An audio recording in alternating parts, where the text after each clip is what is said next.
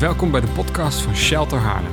Met deze keer een boodschap van Valfried Geeltjes. Weet je, de afgelopen twee weken, ik, geloof de combinatie van het woord en de geest, dat is uiteindelijk wat ons, wat ons vrijmaakt. Het, het is niet alleen maar hoofdkennis wat door een preek binnenkomt, maar het is de combinatie van het woord en de geest. Daar waar de geest van de Heer is, daar is vrijheid. Toch? Ja, dus wat we straks gaan doen, ik ga eerst gewoon uh, afsluiten, de serie van drie afsluiten. En daarna gaat de band weer lekker spelen en dan nodigen we de Heilige Geest uit. En dan, uh, dan zien we wel hoe het gaat lopen. Als het nou laat wordt, even voor de ouders, haal wel even je kind op om tien over half. Oké, want even voor de, de, de, kinderleiders, want die raken anders. Uh, hoe zeg je dat? Ja, overwerkt, precies, dat is het, ja. Waar ik me iets bij van kan voorstellen, yes. Alright. Wauw, weet je, afgelopen weekend, we hadden echt een, uh, wat een mooi weekend met, met, met, met gids. Ik wil een kort getuigenis delen. Uh, als kerken van Haarlem willen we meer samenwerken met The Message uit Manchester. Wie kent nog de Worldwide Message Tribe? Yeah, die bestaan nog steeds, 30 jaar zeker. En het is mega groot geworden. En niet alleen in Engeland, maar op allerlei plekken. En zij richten zich echt op jongeren om jongeren te bereiken met het evangelie. Uh, afgelopen vrijdagavond was hier in, in, deze zaal was er een concert met een, uh, een tof concert voor jongeren. 185 tieners. Ja, geweldig. En, ja, en, en niet alleen maar kerktieners, maar ook juist ook tieners inderdaad van basisscholen. En, uh, en weet je, de droom is inderdaad dat dat veel, veel vaker gaat gebeuren en dat die groep ook gaat groeien. Dus ook de Worldwide Message Tribe, nou dat zeg ik verkeerd, de Message was op een gegeven moment een band ook naar verschillende scholen geweest. En daar hebben ze gebeden voor tieners. En ze zeggen ook 25% van de jongeren die worstelen met mentale problemen, die hebben psychische hulp nodig. En zeggen wij, brengen een boodschap van hoop. En die, die boodschap werd zo goed ontvangen op niet-christelijke scholen, dat docenten die eigenlijk helemaal niks met het geloof hebben, die wild enthousiast waren over die boodschap van hoop. En hoe, hoe mooi is dat? Weet je? Dus er worden echt deuren geopend naar scholen uh, om jongeren te bereiken. Dus ik ben daar mega enthousiast over, over wat de message is. En uh, ik ben vol verwachting wat het in de toekomst gaat doen. Voor onze jongeren in, uh, in deze stad en in de buurt eromheen. Ja, goed. Hey, um, we zijn bezig met een serie. Um, even kijken. Even testen. Zou je de presentatie aan kunnen zetten? Als het goed is. Wat moeten we hier doen? Ja hoor. Even kijken. Ja. Alright. Even testen. Ik zie hem alleen niet bewegen. Gaat toch niet werken? Michiel heeft het, uh, de hulplijn. Ah, met magic fingers. Als doe jij het. Check, goed zo. Oké, heel mooi. Hey, um, uh, we zijn bezig met een serie van, uh, serie van drie. Um, twee weken geleden heb ik iets gedeeld. Uh, dus ik ga even heel kort even terugblikken, zodat je weet waar we, waar we aangehaakt zijn. Heb je hem nou gemist en, je, en dit is de eerste boodschap die je hoort, wil ik je echt vragen. Kijk het nou even terug. want het is belangrijk dat je wel het hele verhaal pakt. En dat je niet alleen maar deze laatste, laatste, dit laatste deel volgt. Dus dat is even belangrijk. Uh, als we even terug naar twee, uh, twee weken geleden. Dit is wat ik uh, twee weken geleden deelde. We zijn begonnen met, met de verbonden, met het oude verbond. En eigenlijk dat het oude verbond een sluier legt over wie God is. Dus een, een, ontwikkeling van het verbond wat God had met Israël. Hoe zich dat verder ontwikkelde. En eigenlijk hoe de, de, mensen die leefden in het oude verbond. Hoe ze eigenlijk helemaal vastliepen in een religieus systeem. Uh, dat zien we ook in, de, in, die tijd zeg maar, tussen de twee testamenten in. En eigenlijk toen dat was vastgelopen in die tijd kwam, kwam Jezus uh, op, het, op het toneel. Um, het, de sluier van het oude verbond, had ik toen gezegd, het werpt een, een, een, schaduw, werpt eigenlijk een sluier zeg maar, over wie God is en over hoe hij is. Het, het laat niet echt zijn hart zien, het laat meer zien hoe hij handelt overeenkomstig het verbond wat hij had gesloten. Nou, op een gegeven moment, die week daarna, heb ik, heb ik iets anders gedeeld. En toen zijn we verder gegaan met dat ligt echt aan mijn vingers, denk ik. Dit is niet handig. Hoe kan dat nou? Michiel. Hoe kan dat nou? Wat doe ik nou verkeerd?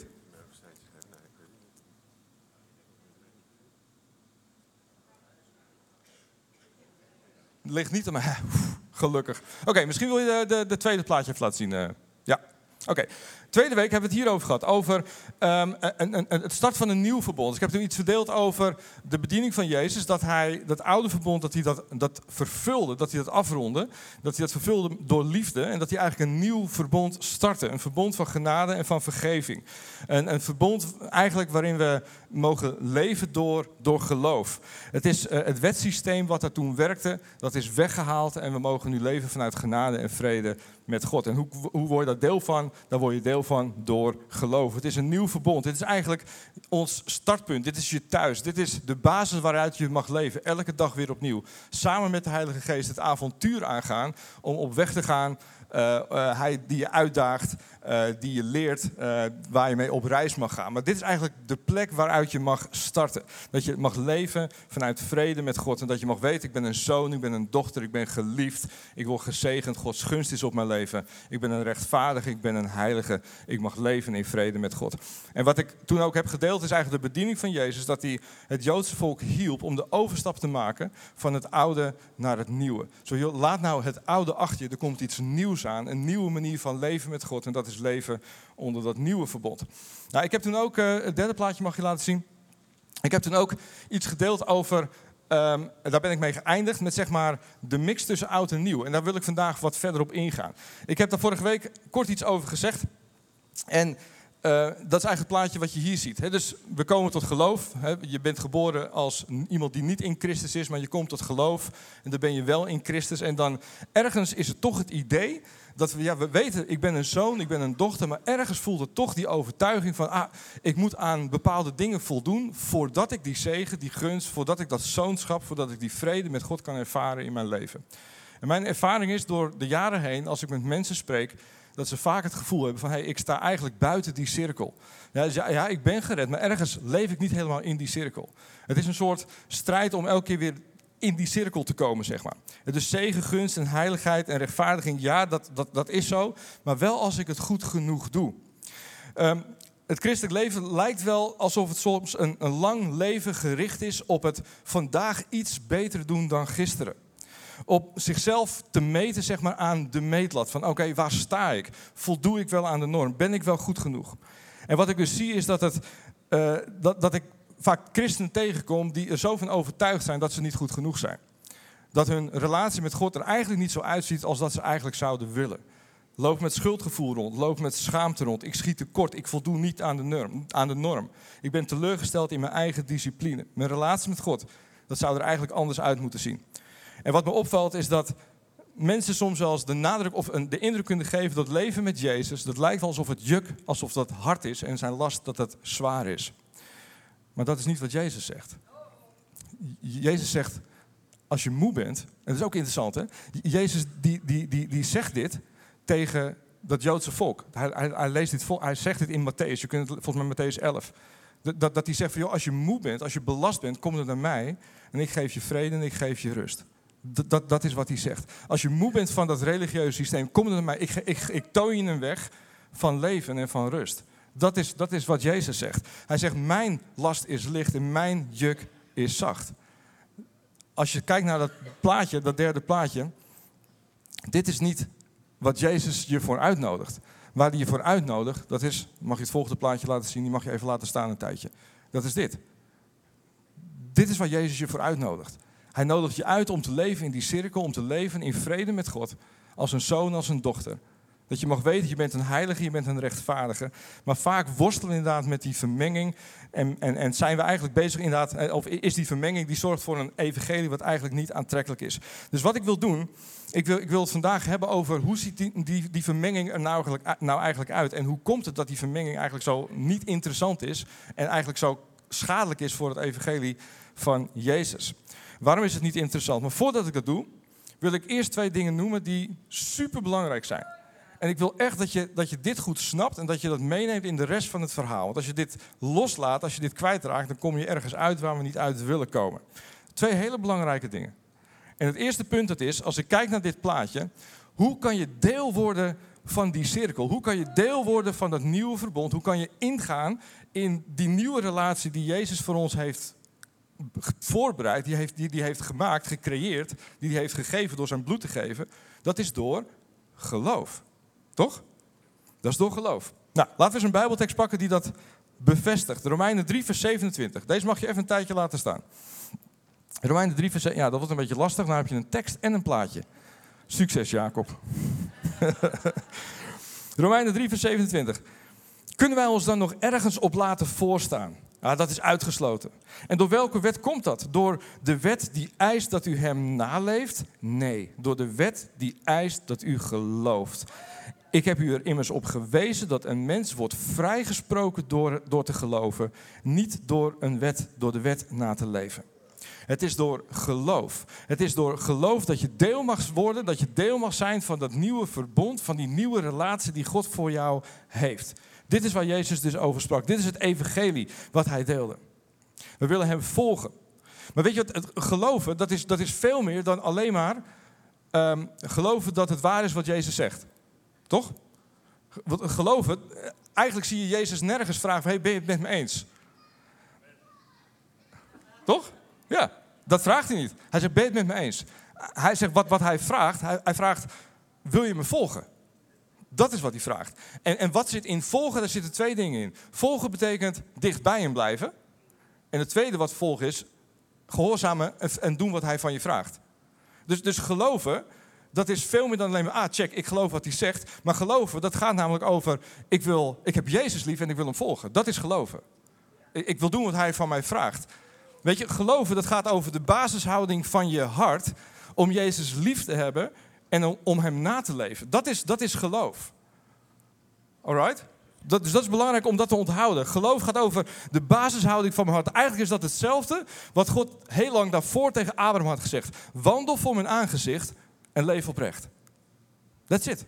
Wandel voor mijn aangezicht en leef oprecht. Hou je van me en wil je me navolgen? Is dat de basishouding van je hart? En als dat de basishouding van je hart is, mag je deel zijn van die cirkel. Mag je deel zijn van dat nieuwe verbond, dat nieuwe leven in Jezus. Dat nieuwe verbond, dat is een verbond van genade en vergeving. Maar dat is geen vrijbrief om maar te doen wat je wilt. Misschien kun je het plaatje nog even laten zien. Vooral veel het plaatje laten zien.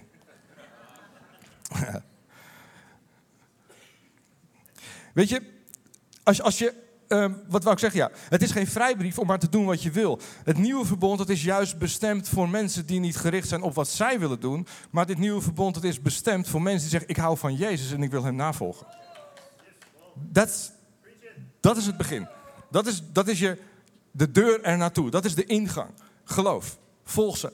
Wil je Jezus volgen? That's it. Nou, dat is het eerste punt wat ik wilde noemen. Voordat we gaan beginnen over de mix. Het tweede punt is misschien, ik denk net zo belangrijk, dat is Ehm, de wet. Oké, de vraag die ik dan wel eens krijg, uh, als dan, vorige week heb ik gezegd, God heeft zeg maar dat wetsysteem weggehaald. Dat is die rode lijn. Misschien kun je dat nog herinneren. Dat is die rode lijn die hij weggehaald heeft. Maar de vraag is, is er dan helemaal geen, is er dan geen wet meer? Eh, kunnen we dan maar doen wat we willen? Is er dan geen wet meer? Nou, daar kan je een hele preek over geven. Ik wil het houden bij een aantal gedachten die ik denk voor nu belangrijk zijn. Het eerste punt is, wat is de kern van de wet van Mozes? Wat is het, het allerbelangrijkste van, waar gaat het om in de wet van Mozes? Dat is een vraag die aan Jezus gesteld wordt in het Nieuwe Testament. En dan geeft Jezus het antwoord, heb de Heer uw God lief en je naast als jezelf. Dat is wat hij zegt. Hij zegt dus de essentie van de wet van Mozes, het doel, de vervulling die vindt plaats door God lief te hebben en de ander lief te hebben zoals, zoals jouzelf. Dat wordt ook bevestigd in Romeinen 13, vers 8 tot en met 10. Wees elkaar niet schuldig, staat daar, behalve liefde. Want wie de ander lief heeft, heeft de hele wet vervuld. Want pleeg geen overspel, pleeg geen moord, steel niet, zet uw zinnen niet op dat wat een ander is. Deze en al die andere geboden die worden samengevat in deze ene uitspraak. Heb je naaste lief als jezelf. De liefde berokkent uw naaste geen kwaad. Dus de wet vindt zijn vervulling in de liefde. Romeinen verwijst hier naar de tien geboden. Dat is een lijstje van die tien geboden. Die vind je terug in deze tekst. Dus het doel van de wet was liefde. Nou, wat zegt Jezus in het Nieuwe Testament? Jezus is op een gegeven moment in gesprek met zijn leerlingen. En dan zegt hij, ik heb een nieuw gebod. Wat is het nieuwe gebod? Het nieuwe gebod, hou van de ander zoals ik van jou heb gehouden. Even een ander, totaal ander level. Hou van de ander zoals ik van jou heb gehouden. Dat is, dat is de wet. Dat is de, nieuwe, het nieuwe gebod wat Jezus geeft. Dus het doel van de wet zowel in het oude als in het nieuwe, was liefde. Dus is de wet verkeerd? Nee, de wet is niet verkeerd. De wet was voor liefde. De, en, en het doel is niet veranderd. Het doel was, in het oude was het liefde en in het nieuwe was het liefde. Maar wat wel veranderd is, is de weg er naartoe. De, de weg naar die liefde toe is veranderd. Hoe was het in het Oude Testament? In het Oude Testament, in het Oude Verbond, was het doel nog steeds liefde, maar het waren de regels die leidden naar die liefde. De wet, de regels, dat waren zeg maar stapstenen die je moest nemen om de wet te vervullen. Dus als je die stapstenen volgt, als je doet wat er staat, ja, dan, dan, dan leidt dat naar leven. Dan leidt het naar de liefde, dan is het de vervulling van de wet. Het waren stapstenen die je kon volgen op weg naar de liefde, om de liefde te, te behalen. Snap je wat ik bedoel? Dat was het oude systeem. Dat waren de regels. Maar het nieuwe systeem, dat werkt anders. Het nieuwe systeem, dat werkt niet met regels, niet met stapstenen, maar het nieuwe systeem, dat gaat over een relatie met de Heilige Geest. De Heilige Geest die je mag volgen. En het is God zelf die de wet in je hart schrijft. Als jouw hart erop gericht is om Jezus lief te hebben en zijn wil te doen en je leeft met de Heilige Geest, dan maakt hij jou persoonlijk openbaar hoe die wet eruit ziet. Het is een totaal ander systeem. Het is, een totaal, het is ook logisch dat het hier niet kon in het oude. Waarom niet? De Heilige Geest was nog niet uitgestort. Dus we hadden, of de mensen toen hadden, externe stapstenen nodig om te snappen hoe ze de weg moesten wandelen in hun leven. Het waren externe dingen, het waren stapstenen, het waren wegwijzers op weg naar die liefde. Maar nu in het nieuwe hebben we die externe dingen niet meer nodig. Het is de geest die in jou woont en die de wetten van God op je hart schrijft. Hem mag je volgen.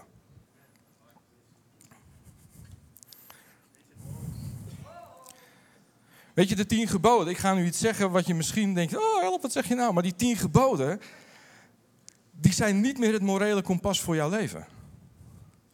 Niet omdat ze slecht zijn, maar omdat ze gebaseerd zijn op een oud systeem. Een oud systeem wat niet meer werkt. Wij volgen geen letters op papier, we volgen de geest die de wet in je hart schrijft. We volgen geen boek, maar we volgen een persoon. En die persoon, dat is Jezus. Dat is het evangelie. Wil je mij volgen? Heb je mij lief? Wil je doen wat ik van je vraag? De Heilige Geest die in jou woont, die de wetten in jouw hart schrijft. De, het doel van de wet was nog steeds liefde en is nog steeds liefde, maar de weg er naartoe is veranderd. Het systeem heeft een upgrade gekregen. Ha. 2 Korinthe 3, vers 6. Hij heeft ons geschikt gemaakt om het nieuwe verbond te dienen. Niet het verbond van een geschreven wet, maar dat van de geest. Want de letter doodt, maar de geest maakt levend. Wauw. Die twee dingen, daar wilde ik mee beginnen. Hoe word je deel van het nieuwe verbond? Door geloof. Wat is geloof? Heb je Jezus lief, wil je hem volgen. That's it. Wat is de wet? Het is de wet van de liefde. Kun je de dingen doen voor liefde voor God en liefde voor een ander? Wil je een persoon volgen, de Heilige Geest, die zijn wet in jouw hart schrijft? Dat is veel spannender. Mm -hmm. Alright. Goed.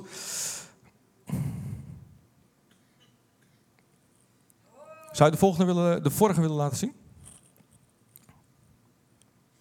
Ja, de vermenging. Daar gaan we het over hebben. Helder tot nu toe? Ja, toch? Oké, goed. Gaan, gaan we nou eens kijken naar de vermenging.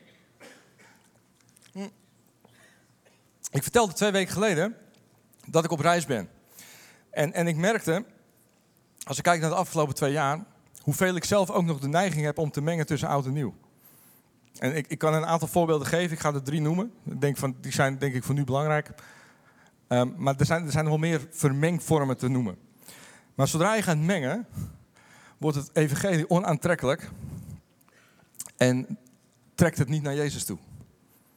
Ik, ik ga je drie voorbeelden geven. En ik, ik, besef dat ik misschien wat dingen ga zeggen dat je denkt van, ah, uh, hoe zit het nou precies? Onthoud dan alsjeblieft wat ik je net heb verteld. Het is het volgen van Jezus, de basishouding van je hart om Hem te volgen. En de Heilige Geest te vertrouwen dat Hij je leidt en de wet in je hart schrijft. Oké, goed.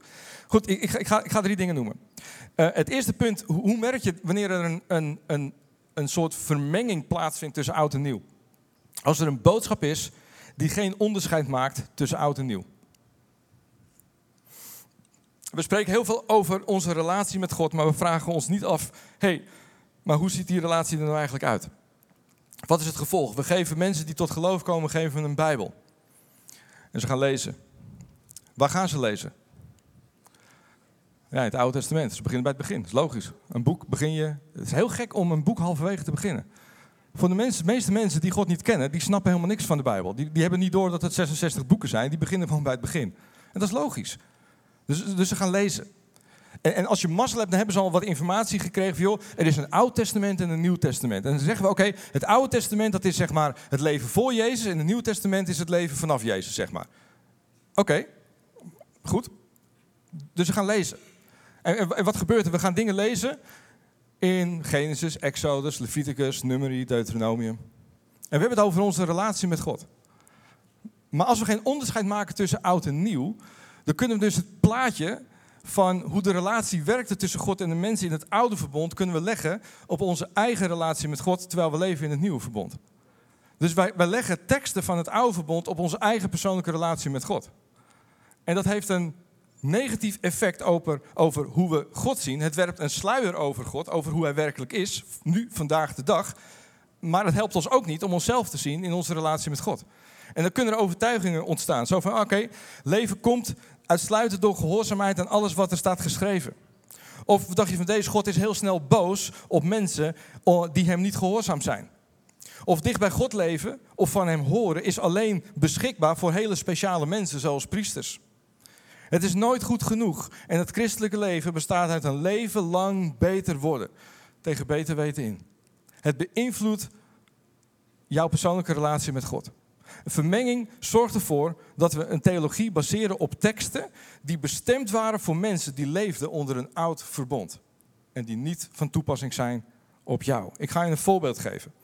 Hele bekende tekst. We hebben hem allemaal gezongen. Niet vandaag, maar een andere keer. Psalm 51, vers 12 en 13. Dit is David. En David schrijft een prachtige psalm. En David heeft een mega fout gemaakt. En op een gegeven moment dan, dan zingt hij dit uit. Hij, het is een schreeuw uit zijn hart. En dan zegt hij... Schep in mij een rein hart, o God. En vernieuw in mij mijn binnenste een standvastige geest. Verwerp mij niet van voor uw aangezicht. En neem uw heilige geest niet van mij. Dit is wat David zingt. Create in me a clean heart. We hebben hem allemaal gezongen. Wat, wat, wat kunnen we leren van David? We kunnen leren van David dat hij wandelde voor Gods aangezicht en oprecht leefde. Dat is de les. Wandel voor mijn aangezicht en leef oprecht. Heb je een fout gemaakt? Ja, natuurlijk, Heer, het spijt me. Maar ik hoef niet bang te zijn dat hij zijn geest van mij afneemt. Weet je, dit was een schreeuw van David, omdat hij wist, ik heb een mega groot probleem. Ik leef in een verbond en ik ben het absoluut niet. Ik, weet je, ik, ik heb een nieuw hart nodig. Ik heb een rein hart nodig. En ik heb uw geest nodig. Het is een roep van David. Een schreeuw van, ah, wat verlang ik naar dat. Wat heb ik, het, wat, wat heb ik het nodig om dat nieuwe hart te krijgen. Maar wat David over schreeuwde, waar hij zo gepassioneerd voor was, dat is de tijd waar jij in leeft. Dit is de tijd waar David over sprak. Dus deze tekst van David, we kunnen, we kunnen leren van zijn oprechtheid. Maar deze tekst kunnen we niet toepassen op ons leven. Ik, je hoeft niet bang te zijn dat God zijn geest van je afneemt. Want het is Jezus die zelf heeft beloofd: Ik laat je een heilige geest naar de troosten. En ik beloof je, hij blijft bij jou tot aan het eind. Als we het oude en het nieuwe mixen, dan gaan we teksten toepassen op ons leven die niet voor ons bestemd waren. Die bestemd waren voor mensen die leefden onder een oud verbond. Als je een tekst leest, vraag je dan af, is deze persoon, leeft hij in hetzelfde verbond als dat ik leef? En zo niet, vraag je dan af, hoe kan ik het dan toepassen op mijn leven? Het is belangrijk dat we geen... Het is belangrijk dat we onderscheid maken tussen wat is geschreven voor het oude en wat is geschreven voor mensen die leven in het nieuwe verbond. Dus dat is het eerste punt. Hoe herken je dat er een mix is tussen oud en nieuw als er geen onderscheid gemaakt wordt tussen oud en nieuw? En dat betekent dus dat er bijbelteksten zijn die minder autoriteit hebben over jou dan andere bijbelteksten. En dat voelt een beetje als vloek in de kerk. Maar ik geloof wel dat het waar is. Er zijn bijbelteksten die minder invloed hebben, minder autoriteit hebben over jouw leven dan andere bijbelteksten. Denk daar eens over na. Het tweede punt, het eerste punt is, oké, geen onderscheid maken tussen oud en nieuw. Het, tweede punt, Hoe herken je de boodschap van vermenging? Als er een, een aanmoediging plaatsvindt, een beweging omschreven wordt van buiten naar binnen. Ik ga het je uitleggen. Er kan in ons, in ons denken een, een overtuiging plaatsvinden dat er voortdurend een beweging plaatsvindt van buiten naar binnen. Als je deze cirkel bekijkt, ja, ik ben gered, ik ben in Christus. Maar, maar, maar die cirkel, hè, die wet en die regels. Eh, het is een constant gevecht om van buiten naar binnen te gaan.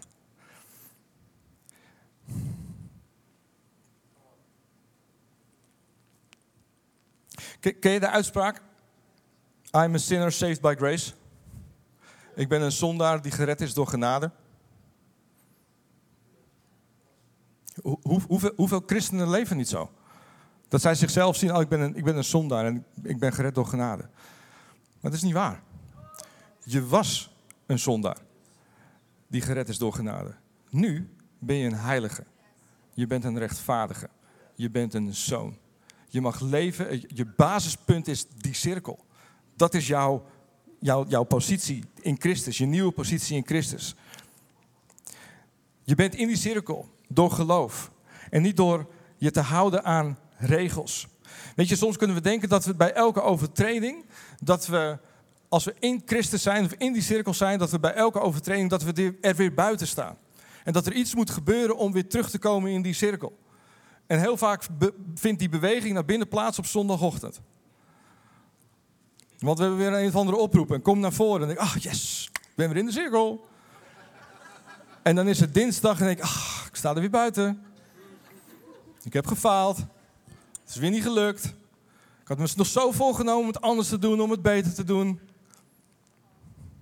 De aanklacht van je doet het niet goed genoeg. Maar de waarheid is, je bent in de cirkel door geloof en niet door je te houden aan die regels. Je was een zonde, maar nu ben je gered door genade. En nu ben je een heilige en rechtvaardige. Weet je, het is niet leven naar de positie, maar het is leven vanuit de positie die je hebt ontvangen door geloof. Dat is een mega verschil. Dat betekent dat je elke dag je dag mag beginnen vanuit deze cirkel. Ik ben een zoon, ik ben een dochter, ik ben een rechtvaardige. En samen met de Heilige Geest mag je op weg gaan, mag je die reis maken om dingen te leren en te ontdekken.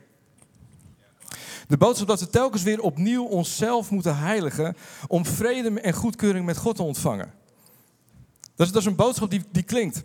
We, hebben het nodig dat we, elkaar, dat we telkens weer opnieuw, dat we onszelf opnieuw heiligen. Um, waar, heb, ik staan? Wacht hoor. Ja, dat je telkens weer opnieuw moet heiligen om vrede en goedkeuring te vinden met God. Maar begrijp me niet verkeerd.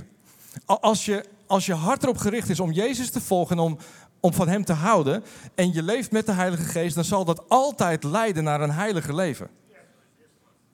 Maar dat is iets anders dan jezelf heiligen, jezelf zien als buiten de cirkel. En ik moet keihard mijn best doen om, om te bewijzen dat ik heiliger ben, zodat ik weer die vrede met God ervaar. Opnieuw, het is niet leven naar heiligheid, maar het is leven vanuit de heiligheid die je hebt ontvangen door geloof.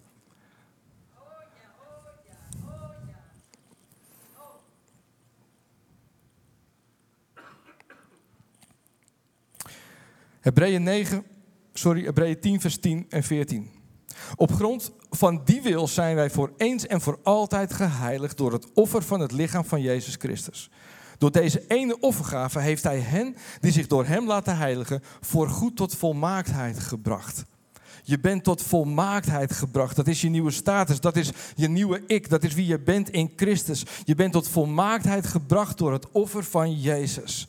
Heiliger worden, ik heb dit opgeschreven, heiliger worden vindt niet plaats door het leven steeds een beetje beter te doen, maar door dat ene offer wat Jezus heeft gebracht. Je bent heilig en de Heilige Geest is in jou bezig om die nieuwe realiteit voor de volle 100% te ervaren in jouw leven.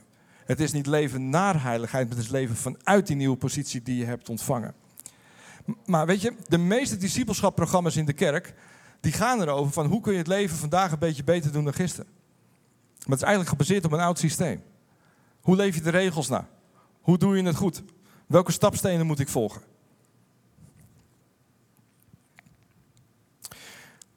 Het is niet van binnen naar buiten. Sorry, het is niet van buiten naar binnen, maar van binnen naar buiten. Het is niet leven naar heiligheid, maar het is leven vanuit heiligheid. Weet je, deze boodschap die van buiten naar binnen uitdraagt, dat is een vermenging. En die vermenging die maakt het evangelie onaantrekkelijk. Weet je wat de boodschap is? Elke keer als, als de boodschap is, ah, je moet van buiten naar binnen. Sommige christenen die zijn, zijn hun hele leven bezig, en eigenlijk maken we dat verdrietig, die zijn hun hele leven bezig om van buiten naar binnen te gaan. En elke keer falen ze weer, dan staan ze weer buiten. Ze proberen weer te herstellen, ze gaan weer naar binnen, en ze gaan weer naar buiten, ze gaan weer naar binnen, ze gaan weer naar buiten. En, en zo, zo kan je 120 worden. Maar, maar de, boodschap, de boodschap van, van, van, van, van deze vermenging, die heeft eigenlijk maar één uitspraak. Je doet het niet goed genoeg. Je hebt gefaald. Je doet het niet goed genoeg. Er mankeert iets aan jou. Het kan beter. Doe nou toch keihard je best. En ik heb slecht nieuws voor je. Je gaat het nooit redden. En waarom niet? Want je vertrouwt op een oud systeem. Je vertrouwt op de, de voetstap, je vertrouwt op, de, op, de, op de, de, de stapstenen om die weg te gaan. Terwijl de weg is de weg van de geest. De wet die jij in je hart schrijft. Leven van binnen naar buiten in plaats van buiten naar binnen. Oké, dat is het tweede punt. Dus het eerste, dat was dus geen onderscheid kunnen maken tussen de vermenging. En het tweede is, is eigenlijk de, de boodschap van die elke keer van buiten naar binnen gaat. Die probeert door eigen inspanning die vrede met God te verdienen. En dat is een hardnekkige. Dat is een hardnekkige. En het derde punt wat ik wil noemen, dat is als je dan binnen bent, als je dan in die cirkel bent, is jezelf de vraag stellen, hoe ver kan ik gaan? Hoe ver kan ik gaan? Het jezelf de vraag stellen, oh, is het goed dat ik, heeft God er problemen mee als ik rook? Heeft God er problemen mee als ik deze serie kijk? Heeft God er problemen mee als, nou, vul het allemaal maar in. En, en eigenlijk wat we dan doen, wanneer we eigenlijk in die cirkel zijn en we proberen te zeggen, hoe, tot hoe ver kan ik gaan? Het is, het is eigenlijk weer leunen op het oude systeem. Want, wat eigenlijk zeg je, oké, vertel me hoe ik moet leven. Waar staat het? Wat zijn de voetstappen? Welke stappen moet ik maken om dat leven te leven wat God voor mij bedoeld heeft? Het, het, is kijken van hoe ver kan ik gaan? Of met andere woorden, wat kan nog net wel? En wat moet ik niet doen om te voorkomen dat ik weer buiten die cirkel val? We zoeken de grens op. Hoe zit het met seks voor het huwelijk? Hoe zit het sowieso met seksualiteit? En we proberen het te vinden in de Bijbel. En we proberen de, de, de, de antwoorden te vinden van woorden op papier. Alright. Maar het nieuwe systeem, dat werkt niet zo. Het gaat niet over regels op papier, maar het gaat over een relatie met de geest die de wet in je hart schrijft. Het nieuwe systeem werkt op geloof en op vertrouwen op de leiding van de Heilige Geest. Maar hoe dan wel? Hoe dan wel? Ik ga je een voorbeeld geven. Weet je nog wat het doel was van de wet? Liefde. Het doel van de wet, dat is de liefde. Ik kwam een uitspraak tegen van Derek Prince. Nou, als je nou denkt van, joh, dit is allemaal nieuw en nou, er is helemaal niks nieuws aan. Good old Derek Prince. Ik bedoel, de man die leeft al heel lang niet meer. Die heeft nog onderwijs van hem gevolgd. Ja, dat zijn er heel veel. Derek Prince, zeer degelijk onderwijs. Moet je horen wat hij zegt. Laat even goed door je, tot je doordrinken. Dit is wat Derek Prince zegt. Hij zegt, als christen ben je vrij om alles te doen wat je kunt doen met volmaakte liefde in je hart voor God en voor je naaste. Als christen ben je niet vrij om iets te doen dat niet in, niet in liefde voor God en voor je naaste kan worden gedaan. Wauw. Als christen ben je vrij om alles te doen als je hart gevuld is op volmaakte liefde voor Jezus en voor je naaste. Wat een vrijheid. Wat een vrijheid. De vraag is niet, Heer, mag dit wel of mag dit niet? Eigenlijk wat we nou doen is eten van de boom van kennis. En als we dat doen, waar leidt ons dat naartoe? Naar de dood. Het brengt geen leven. Het brengt geen leven. Eten van de boom van kennis. Al mag dit wel of mag dit niet? Het is eten van de boom van kennis. Maar ik geloof dat we iets anders mogen doen. In plaats van dat we vragen van Heer, mag ik dit nou wel of mag ik dit nou niet? Ga nou samen met de Heilige Geest op reis en zoek antwoord op de vraag. Heer, wat ik wil doen, kan ik dat doen voor 100% uit liefde voor u en voor mijn naaste? Wauw.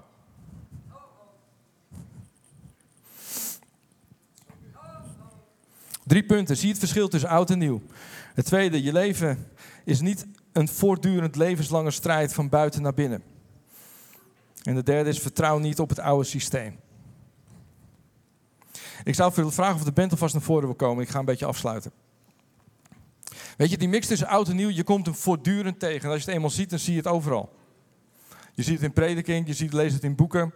Je ziet het op allerlei verschillende manieren. Weet je, wat ik niet wil is dat we een soort van ja, strijd aangaan tegen verkeerde leer. Dat is, niet, dat is niet wat ik wil. Helemaal niet. Helemaal niet. Maar ik geloof dat als je het eenmaal ziet, als je, als je ziet wat de vermenging teweeg brengt, dan ga je het overal zien. Ook in je eigen leven, dat was mijn ervaring. Dan zie ik de vermenging en, en hoe hardnekkig eigenlijk het geluid klinkt van, ah, maar je doet het niet goed genoeg. Maar ik wil er vanaf. Weet je, maar die mix tussen oud en nieuw, die is niet nieuw. Die mix die bestaat al heel lang. Laten we eens even kijken wat Galaten 3, vers 1 tot en met 3 erover zegt. Dit is Paulus en die schrijft, Galaten, hebt u uw verstand verloren, zegt hij. Ben helemaal gek geworden. Wie heeft u in zijn ban gekregen, zegt hij. Ik heb u Jezus Christus toch openlijk en duidelijk als de gekruisigde bekendgemaakt. Ik wil maar één ding van u weten. Hebt u de geest ontvangen door de wet na te leven of door te luisteren en te geloven? Bent u werkelijk zo dwaas om weer op uw eigen kracht te vertrouwen en niet langer op de geest? Is alles wat u hebt meegemaakt dan voor niets geweest? Maar dat kan toch niet? De gelaten die hadden het evangelie van Jezus gehoord. Zij leefden in die cirkel. Ze hadden een nieuwe verbond ontvangen en ontdekt. Ze, ah, we hebben een compleet nieuwe relatie met God. Een, een, een relatie van genade en van liefde en van vrede. En toch op een, een of andere manier gingen ze weer terug naar het oude. En Paulus, het is alsof hij, denkt, alsof hij gek wordt. Zegt, hoe kan het nou? Zeg, jullie hebben het toch gehoord? Je, je hebt erin geleefd. Hoe kan het nou dat je, dat je toch weer, weer terug gaat naar dat oude verbond? Hoe kan het nou dat je weer opnieuw die, die, die wet opwerpt? Dat je opnieuw weer die rode cirkel eromheen plaatst? Dat je opnieuw een hek plaatst voor jezelf? Hoe, hoe kan het nou?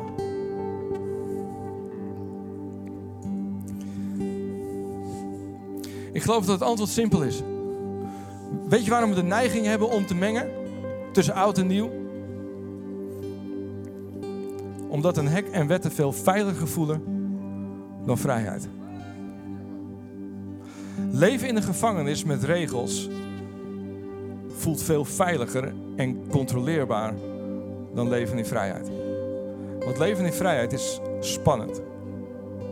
Dat gaat over vertrouwen in de Heilige Geest. Weet je, maar ik wil geen hek. Ik wil geen hek in mijn leven. Ik wil, ik wil leven in die vrijheid waar Jezus voor gekomen is.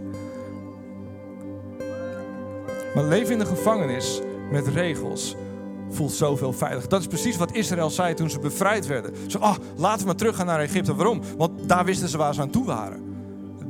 Ze wisten precies, ah, zo ziet ons leven eruit. Maar in die vrijheid, oh mijn hemel, waar gaan we heen? Hoe ziet het eruit? Dat is spannend. ik geloof dat deze gelaten, dat zei van, ah, die vrijheid, die is wel fijn, maar het voelt wel heel spannend. Laten we toch maar wat regels hebben. Laten we toch maar even een hek eromheen bouwen. Dat we ons best moeten doen. Het is fijn om je best te doen, toch? Want dan kun je jezelf belonen. Zo zitten we toch in elkaar? Ja, we willen graag iets doen. We willen het graag verdienen. We willen graag ons best doen. Van, ah, en als het goed heb ja, dan word ik beloond. Maar zo werkt het niet. Daar kun je je hele leven mee vullen, maar zo werkt het niet. Het nieuwe systeem werkt op vertrouwen en op geloof in het bloed van Jezus. Piet van Walsum is een boek aan het schrijven. En ik heb het concept heb ik gelezen. En hij, hij haalt een citaat aan van iemand. En, hij, en die persoon die zegt: Vrijheid is geen droom, het is de realiteit achter het hek dat je zelf hebt gebouwd. Misschien wil je nog even die afbeelding laten zien van die vermenging. Afbeelding 3. Vrijheid is geen droom. Het is een realiteit die achter het hek is. Het is een realiteit achter het hek die je zelf hebt gebouwd. Weet je, soms kun je jezelf zien als buiten die cirkel. Dat is niet terecht, maar dat kan wel. En dan kun je denken, ah, vrijheid is een illusie.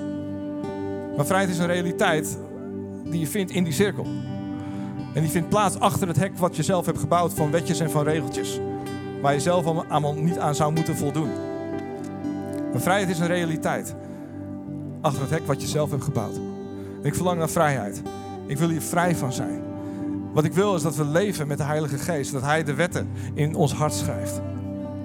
Het wordt tijd dat we de hekken afbreken. Weet je, het geeft Jezus niet de eer die Hij verdient als we ons verschuilen achter de hekken. Als we ons hele leven bezig zijn met in en uit en binnen en buiten. En elke keer weer die strijd. Onszelf proberen te heiligen. Onszelf proberen te rechtvaardigen. Maar het is alleen maar door het bloed van Jezus. 100% leunen, vertrouwen op het werk en het offer van Jezus. Er zit niks van jou bij. Er zit niks van mij bij. En zodra we gaan vermengen, zit er toch nog ergens een beetje van... Ah, ik moet het wel keihard mijn best doen. Ik moet het wel verdienen. Maar het werkt niet. Het wordt onaantrekkelijk. En de boodschap is: je bent niet goed genoeg, je doet het niet goed genoeg en je faalt. En de waar, dat, dat klopt, maar er is een oplossing voor gekomen. En die oplossing, dat is Jezus.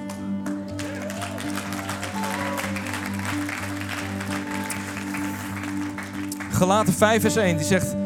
Jezus heeft ons bevrijd, opdat we in vrijheid zouden leven. Hou de stand en laat u niet opnieuw een slavenjuk aanleggen. Als je kijkt naar deze afbeelding, weet je, twee dingen. Christus heeft ons bevrijd. Heel wat christenen leven alleen met deze waarheid. Die zeggen, ah yes, Christus heeft me bevrijd. Ik ben van rechts naar links gegaan in, dat, in, dat, in die lijn. Ik heb Jezus aangenomen. Yes, Christus heeft me bevrijd. Maar er staat iets achter. Hij heeft je bevrijd zodat je kunt leven in vrijheid. Hij heeft je bevrijd zodat je kunt leven in die cirkel. Misschien wil je die vorige nog even laten zien. Dit is wat Jezus voor jou bedoeld heeft. Leven in vrijheid. Jezus zegt, Christus heeft ons bevrijd, opdat wij in vrijheid zouden leven. Houd dus stand en laat je niet opnieuw een slavenjuk aanleggen. Ga nou niet opnieuw een hek bouwen. Bouw niet een muur. Geloof niet langer dat je van buiten naar binnen gaat, van buiten naar binnen gaat. Maar je bent bestemd om hier vanuit te leven. Elke dag van je leven, elke ochtend. Je bent een zoon, je bent een dochter, je bent rechtvaardig, je bent een heilige. En ja, samen met de Heilige Geest ga je op weg. En leert hij jou de dingen hoe het leven in elkaar zit. Het is niet een plek van, oh, doe maar wat je wil. Nee, het is een plek van mensen die zeggen, ik hou van Jezus en ik wil hem volgen. En dat maakt jou 100% zoon, dat maakt je 100% dochter. Wauw, dit is het evangelie. En dit is wat we mensen mogen vertellen. Is dit goed nieuws? Yes, dit is goed nieuws. Kom maar, laten we gaan staan met elkaar.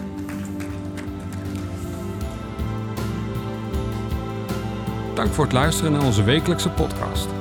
De missie van Shelter is Gods Koninkrijk zichtbaar maken in onze wereld.